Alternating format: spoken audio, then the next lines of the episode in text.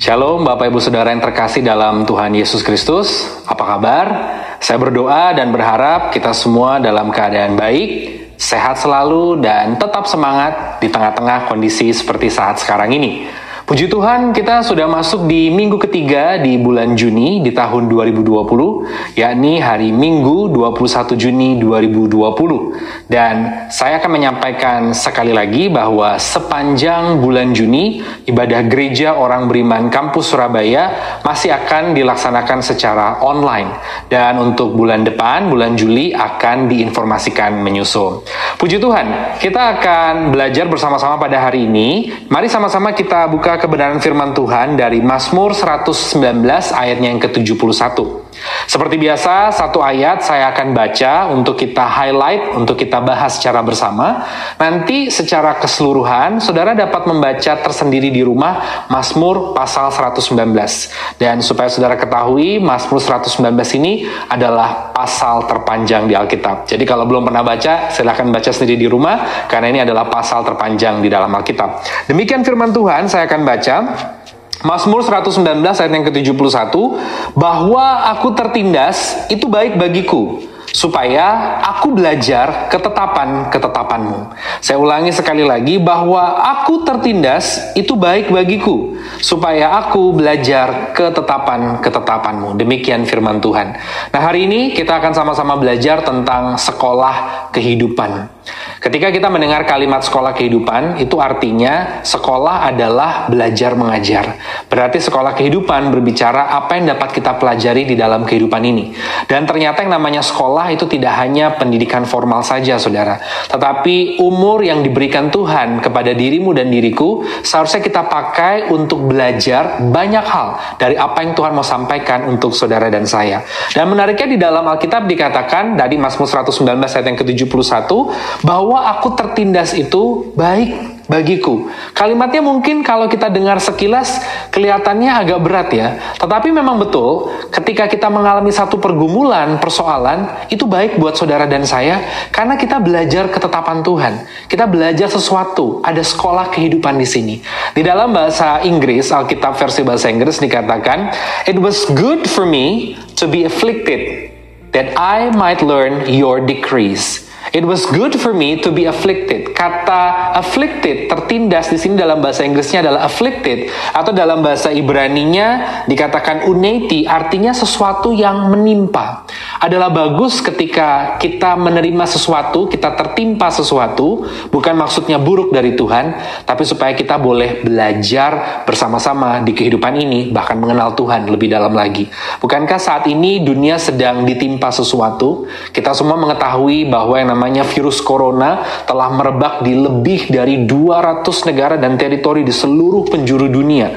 Bahkan menurut data terakhir yang valid, yakni 14 Juni 2020 sudah lebih dari 7,8 juta kasus manusia positif corona. Itu belum termasuk angka PDP dan ODP. Artinya PDP dan ODP itu sudah pasti mencapai belasan hingga angka 20-an juta jiwa. Bahkan menurut data terakhir, ada sekitar lebih dari 430 ribu jiwa mati nyawanya direnggut karena virus corona secara global.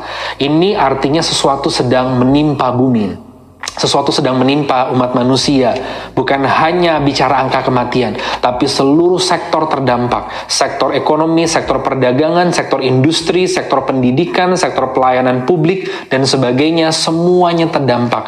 Berarti pasti ada yang bisa kita pelajari dalam kehidupan ini. Karena firman Tuhan memang mengatakan demikian, adalah baik ketika ada sesuatu yang menimpa, karena kita bisa belajar untuk kita lebih lagi mengenal hukum Tuhan, dan kita lebih mengenal Tuhan. Hari ini ada tiga hal yang bisa kita pelajari dari sekolah kehidupan sekarang ini. Ketika kita semua tahu ada virus corona yang menjadi pandemi di seluruh dunia, kita pun bisa belajar di sekolah kehidupan hari ini.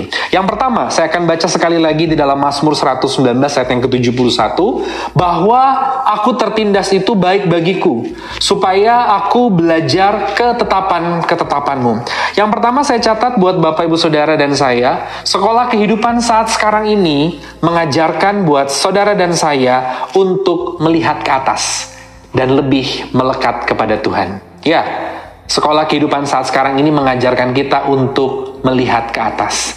Kenapa melihat ke atas? Karena kita tidak lagi mampu untuk melihat sekeliling. Itu akan melemahkan iman kita. Itu akan membuat kita menjadi pribadi yang semakin takut, khawatir, bimbang, gelisah, bahkan kita tidak berani untuk melangkah maju. Apa sih arti dari melihat? Melihat itu artinya mengarahkan pandangan kita. Melihat ke atas berarti mengarahkan pandangan kita ke atas. Apa maksud dari melihat ke atas? Artinya Tuhan mau untuk kita belajar berseru kepada Tuhan, berdoa kepada Tuhan, berpengharapan, bahkan mengandalkan hanya kepada Tuhan. Karena tidak ada lagi yang dapat kita lakukan. Kalau kita melihat ke sekeliling, ke seluruh penjuru, barat, timur, utara, selatan, kiri, kanan, depan, belakang, semuanya hanya akan membuat kita semakin takut dan undur, bahkan melemahkan iman kita.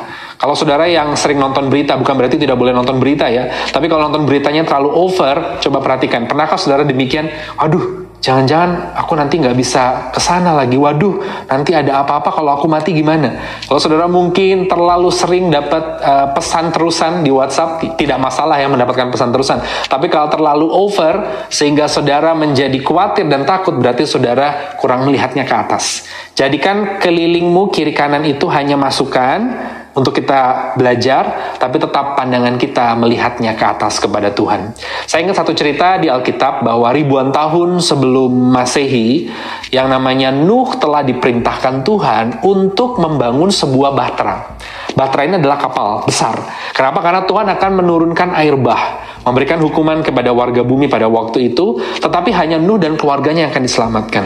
Dan Alkitab mencatat di dalam kejadian pasal 6, 7, 8, itu semua peristiwa tentang Nuh, saudara nanti bisa baca sendiri di rumah, pada waktu perintah untuk membangun bahtera itu turun kepada Nuh, Nuh dicatat sudah memiliki anak Sem, Ham, dan Yafet. Dan Nuh ini memiliki anak diperkirakan umur 500 tahun. Dan kemudian kitab kejadian mencatat bahwa ketika air bah itu turun, terjadi atas bumi, umur Nuh itu sekitar 600 tahun. Tidak ada yang tahu berapa lama persisnya Nuh membangun bahtera itu, tapi diprediksi tidak satu tahun, tidak dua tahun, tidak tiga tahun. Puluhan tahun membangun bahtera tersebut. Itu adalah proses kehidupan buat Nuh. Mungkin dia dicemooh, dihina oleh kiri kanan. Kok bangun kapal justru di daratan agak tinggi, nggak nggak salah nih. Bukannya harusnya mendirikannya di pinggir danau atau di pinggir laut. Tapi Nuh tetap melakukan itu. Nah menariknya, akhirnya jadilah bahtera itu. Ia melakukan perintah Tuhan, mengumpulkan semua hewan yang disuruh, bahkan memasukkan keluarganya. Kemudian turunlah hujan dan air bah datang atas muka bumi. Nah perhatikan saudara, di zaman modern ini, di negara bagian Kentucky, Kentucky di Amerika Serikat, orang-orang yang ahli kemudian mereka melihat Alkitab, catatan di Alkitab, dan mereka membuat replika Bahtera Nuh. Jadi dibuat persis seperti apa yang Nuh buat ribuan tahun silam. Karena Alkitab mencatatnya detail, dibuat dari kayu gofir, kemudian panjangnya, lebarnya, tingginya berapa hasta, dan jadilah replika Bahtera Nuh seperti ribuan tahun silam. Kalau saudara nanti lihat di gambar, atau saudara bisa nanti Google sendiri, replika Bahtera Nuh di Kentucky, Amerika Serikat ini menariknya tidak memiliki jendela. Yang ada hanya jendela di atas, di atap. Itu bisa dibaca di dalam Alkitab bahasa Inggris di kejadian pasalnya yang ke-6, ayatnya yang ke-16. Di kejadian pasalnya yang ke-6, nanti saudara bisa baca sendiri di rumah di ayat yang ke-16 di versi bahasa Inggris.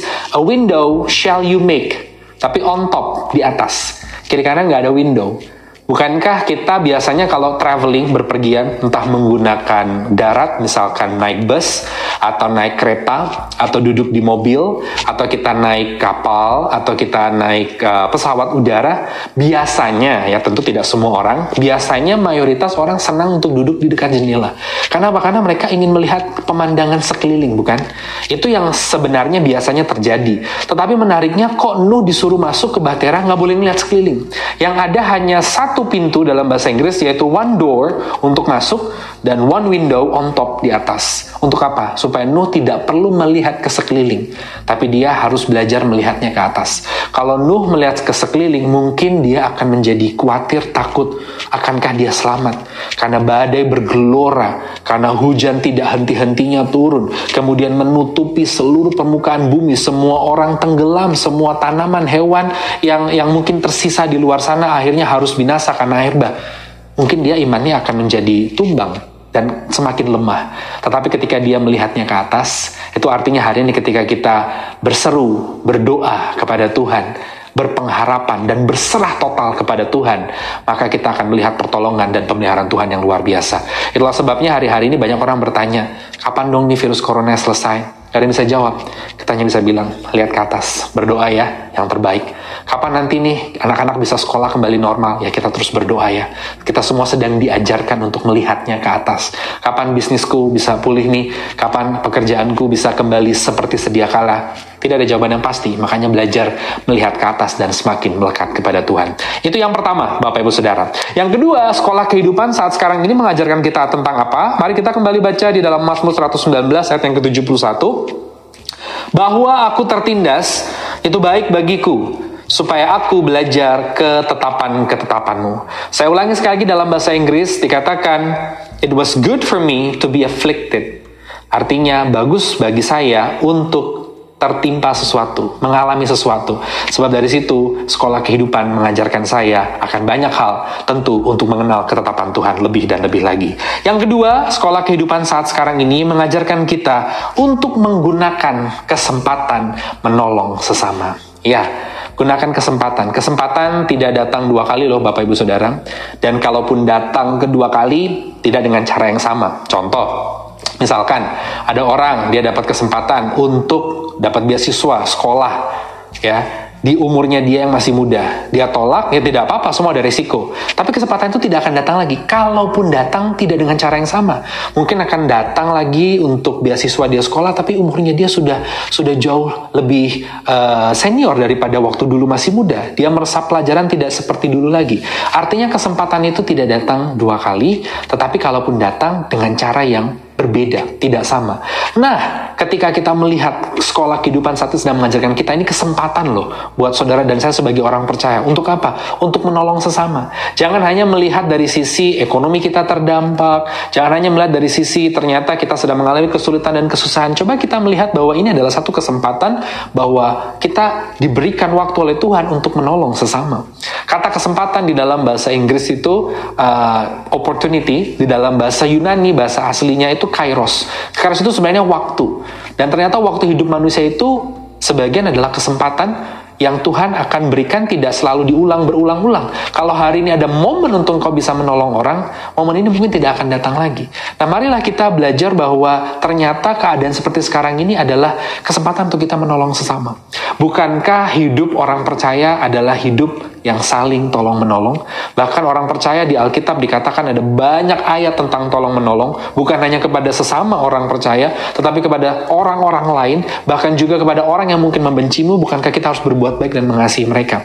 Salah satu ayat yang berbicara tentang tolong menolong, dikatakan di sana, salah satu ayat yang berbicara tentang tolong menolong dikatakan di dalam ulangan 22 ayat yang keempat, demikian firman Tuhan, apabila engkau melihat keledai saudaramu atau lembunya rebah di jalan, janganlah engkau pura-pura tidak tahu. Engkau harus benar-benar menolong, membangunkannya bersama-sama dengan saudaramu itu. Jadi, ketika kita melihat sekeliling, ternyata ada orang yang ekonominya terdampak, dia harus akhirnya berjuang dengan bisnis rumahan. Kenapa kita nggak tolong? Kan menolong tidak harus selalu selalu uh, bicara uang, bisa gotong royong, tenaga, pikiran. Ketika kita melihat orang lain yang mungkin sedang terdampak, mungkin mereka akhirnya harus bergumul tentang bagaimana uh, tidak bisa lagi memberikan pelajaran tambahan buat anaknya. Kenapa kita tidak menolong dengan memberikan pelajaran tambahan kalau kita mampu? Ini adalah satu kesempatan kairos kita diajarkan dari sekolah kehidupan ini untuk menolong sesama. Dan saya percaya Bapak Ibu Saudara, ya tadi yang saya katakan, kesempatan ini mungkin tidak datang lagi dua kali atau kalau datang dengan cara yang tidak sama. Ketika saudara sekarang tidak menggunakan kesempatan ini, virus corona ini selesai, saudara baru muncul keinginan untuk menolong orang lain, orang lain tersebut sudah tidak perlu ditolong orang lain tersebut sudah mungkin tidak tidak tidak tidak perlu lagi untuk dibantu karena momennya sudah lewat. Dan saya percaya ketika kita mulai menggunakan kesempatan ini menolong sesama, kita tidak akan jatuh miskin, kita tidak akan berkekurangan, tapi justru kita boleh menjadi saksi, menjadi berkat, membawa kemuliaan buat nama Tuhan. Bahkan saya percaya orang yang sungguh-sungguh melakukan itu untuk kemuliaan nama Tuhan, tentu menolong dengan tulus hati, tidak akan pernah kehilangan berkat upahnya. Saya ingat satu buah cerita, saya beberapa tahun yang 10 tahun lalu kalau tidak salah, saya pernah menghadiri acara ulang tahun seorang ibu-ibu ulang tahun ke-80 dirayakan besar, mewah, megah di sebuah hotel di kawasan Jakarta Selatan. Saya hadir dan ketika saya hadir ya, saya pikir ibu ini diadakan pesta ulang tahun ke-80 oleh anak-anaknya karena anaknya tujuh ibu ini, banyak sekali gitu. Ya, ternyata ibu ini tidak dibikinkan pesta oleh tujuh anaknya, tetapi oleh teman-teman dari anak-anaknya. Teman-teman dari anaknya ini mereka berkumpul mengadakan pesta ke-80 tahun untuk ibu ini karena mereka merasa bahwa dulu waktu mereka sulit mereka ditolong oleh ibu itu. Dan akhirnya setelah dinyanyikan lagu ya mereka menyanyikan lagu bersama-sama anak cucu, kemudian teman-teman dari anaknya bercerita pada waktu mereka usia sekolah, ibu ini punya tujuh anak, ekonomi ibu ini juga tidak terlalu yang hebat sekali. Tapi ibu ini selalu memberi makan teman-teman dari anak-anaknya setiap hari selama bertahun-tahun. Mulai dari SMP, SMA sampai kuliah. Anak-anak ini punya teman-teman sekolah bareng itu makan bahkan tinggal di rumah terus. Padahal ibu ini bukan orang yang pada waktu itu memiliki uang yang sangat banyak. Karena ibu ini waktu itu melihat ini kesempatan menolong anak-anak teman-teman dari anak-anaknya yang tidak bisa makan sehari tiga kali seperti anak-anaknya. Ya sudah makan di rumah apa adanya. Mana pada waktu itu keadaan ekonomi Indonesia tidak uh, sebagus seperti sekarang. Tentu orang tua dari teman-teman anak ini mungkin mereka belum memiliki penghasilan yang bagus yang tetap tidak bisa memberi makan yang cukup ataupun apa yang diinginkan mereka seperti anak-anak ibu ini. Jadi ibu ini bertahun-tahun melakukan dengan tulus. Dan akhirnya anak uh, teman-teman dari anaknya ini selesai kuliah semua jadi orang semua. Dalam artian jadi orang tuh sukses gitu ya. Mereka ada yang menjadi pengusaha, ada yang jadi pengacara, ada yang ada yang uh, jadi pimpinan perusahaan dan sebagainya. Pada momen itu ibu ini sudah tidak perlu menolong. Tapi anak-anak ini, eh, teman-teman anak-anak ini mengingat bagaimana kebaikan ibu ini dan akhirnya mereka diam-diam membuat surprise party ke-80. Dari situ saya belajar bahwa ternyata ketika kita menolong itu pun adalah kesempatan. Jangan sampai kesempatan ini hilang Ketika kesempatan ini lewat, pandemi ini sudah selesai, saudara mau nolong siapa? Menolong orang di luar sana, mereka udah nggak butuh ditolong. Menolong saudaramu, menolong tetanggamu, menolong keluargamu, kerabatmu, sahabatmu, mereka sudah semua tidak perlu ditolong.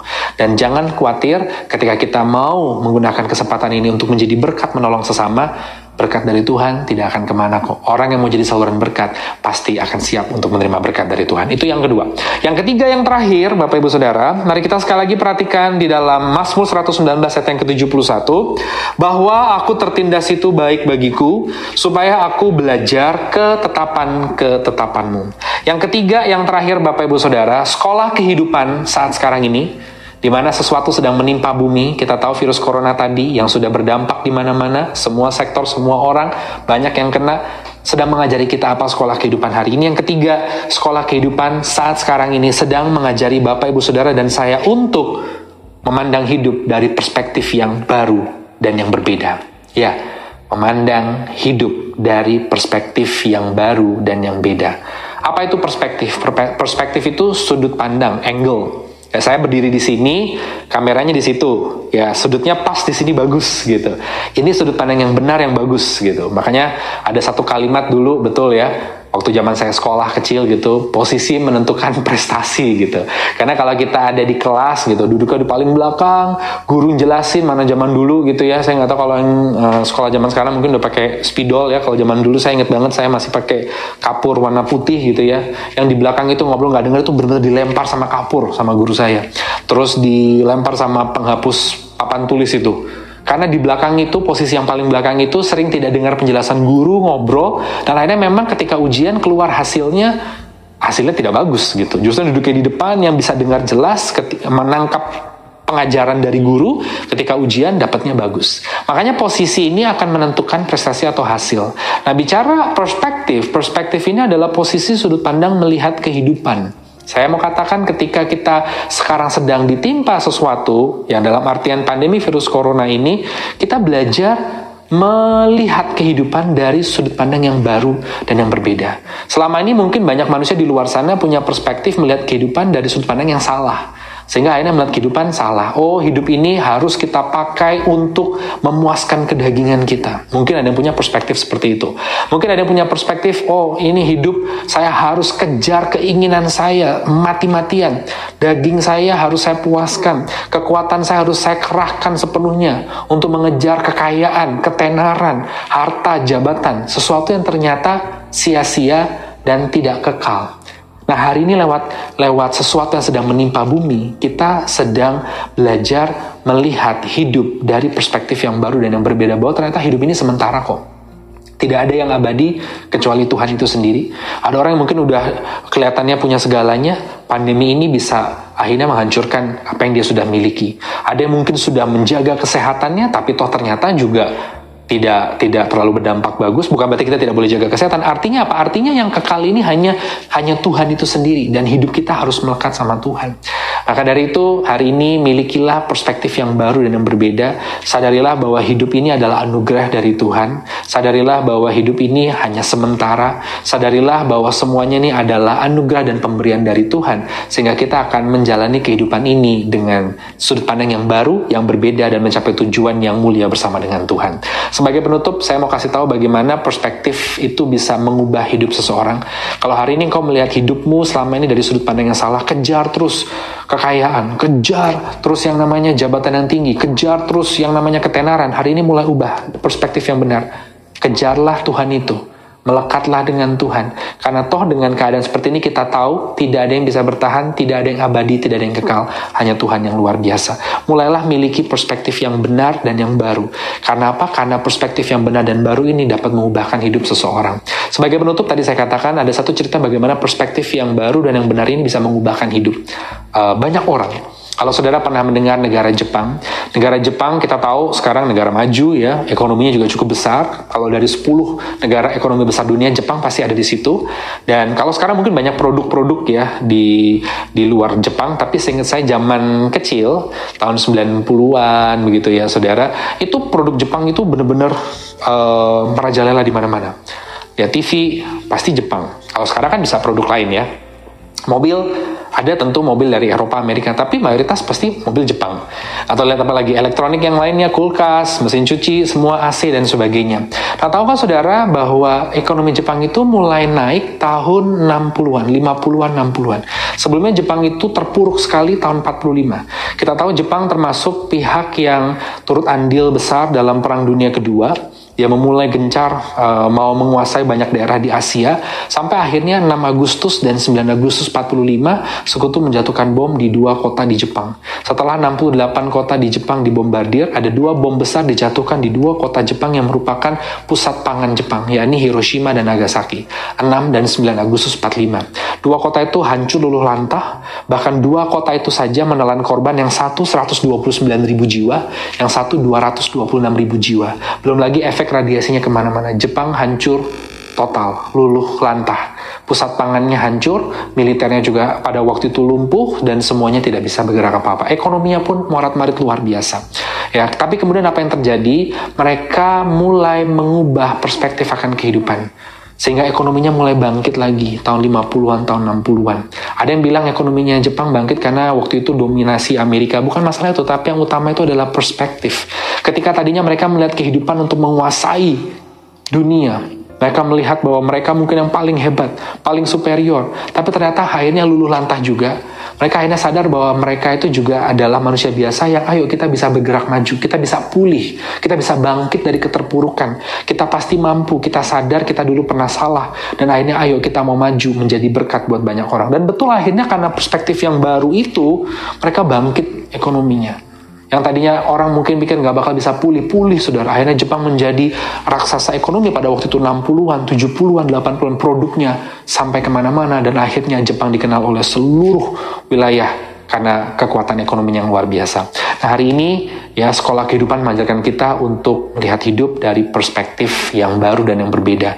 Ketika kita melihat pandemi ini, yang tadinya saudara mungkin melihat hidup, ayo dihabiskan. Hidup hanya satu kali, kita foya-foya kita gunakan waktu yang ada untuk mengejar apa yang kita inginkan. Sekarang ubah. Melihat hidup ini adalah anugerah dari Tuhan. Mari pakai untuk melayani Tuhan. Mari pakai untuk makin mengenal Tuhan. Mari pakai untuk menjadi berkat. Mari kita melihat kehidupan ini adalah satu momen di mana kita boleh punya kesempatan mengenal Tuhan lebih dalam lagi. Amin. Saya sebutkan firman Tuhan pada hari ini buat setiap kita. Sekolah kehidupan mengajarkan kita tiga hal. Ketika kita melihat ada pandemi saat sekarang ini, itu bukan suatu kebetulan, tapi Tuhan sedang mau mengajarkan banyak hal buat setiap kita. Yang pertama, Bapak Ibu Saudara, sekolah kehidupan saat sekarang ini sedang mengajarkan saudara dan saya bahwa kita belajar melihat ke atas dan makin melekat kepada Tuhan. Dan yang kedua, sekolah kehidupan mengajarkan kepada kita untuk menggunakan kesempatan menolong sesama. Dan yang ketiga, sekolah kehidupan mengajarkan kepada kita, saudara dan saya, hari ini untuk memiliki perspektif yang baru dan yang berbeda dalam memandang kehidupan. Kita berdoa. Terima kasih Tuhan untuk setiap firman yang boleh kami dengarkan pada hari ini, meteraikan di dalam nama Tuhan Yesus. Dan biarlah hari ini kami boleh peka, mengerti, dan mendapatkan pelajaran dari sekolah kehidupan yang saat ini sedang kami jalani. Artinya sekolah bukan hanya secara formal, yang masuk gedung, tetapi lewat peristiwa-peristiwa dalam kehidupan kami belajar banyak hal. Meteraikan firman-Mu di dalam nama Tuhan Yesus, karena firman-Mu sendiri mengatakan adalah baik ketika kami mengalami sesuatu. Dalam terjemahan sehari-harinya tertimpa sesuatu, afflicted, karena apa? Karena di situ kami boleh belajar banyak hal, bahkan mengenal ketetapan-ketetapan Tuhan. Terima kasih, hamba berdoa juga buat seluruh pendengar dan penonton acara ini. Tuhan memberkati setiap langkah kaki mereka, pekerjaan tangan mereka, usaha mereka, rumah tangga mereka, studi mereka, pelayanan mereka, dan masa depan mereka. Kami juga terus berdoa bagi bangsa dan negara Indonesia diberkati, dipulihkan, dilindungi. Warga penduduknya dari Sabang sampai Merauke diberkati, dilindungi, dipulihkan. Bagi pemimpin kami mulai yang tertinggi Presiden Joko Widodo dengan jajarannya para menteri, juga uh, TNI Polri. Kami juga berdoa bagi seluruh gubernur, wali kota, bupati di mana kami tinggal dan seluruh gubernur, wali kota, bupati di Indonesia dalam kapasitas mereka memimpin daerah mereka masing-masing diberkati. Kami berdoa bagi setiap orang yang terdampak ekonominya, para pengusaha, para pegawai, tenaga profesional mereka yang hidup dari profesi mereka, bagi masyarakat ekonomi menengah ke bawah yang sangat terdampak juga Engkau memberkati. Kami berdoa Tuhan bagi orang-orang yang harus bekerja di jalan, yang bertemu banyak orang, bagi mereka yang ada di garda terdepan, tenaga medis, juga uh, para relawan ke memberikan kekuatan dan perlindungan. Terima kasih Bapa, kami menyerahkan hidup kami ini ke dalam tangan Tuhan. Terpujilah namamu kekal selamanya dalam nama Tuhan Yesus. Haleluya. Amin. Mari saudara angkat kedua tanganmu, arahkanlah pandangan hatimu ke hadapan Tuhan, dan terimalah berkat Tuhan. Kasih dari Allah Bapa di sorga, penyertaan cinta dan damai sejahtera shalom dari Tuhan Yesus Kristus, serta persekutuan yang manis dengan Allah Roh Kudus menyertai kita semua hari ini sampai Maranatha dalam nama Tuhan Yesus. Haleluya. Amin.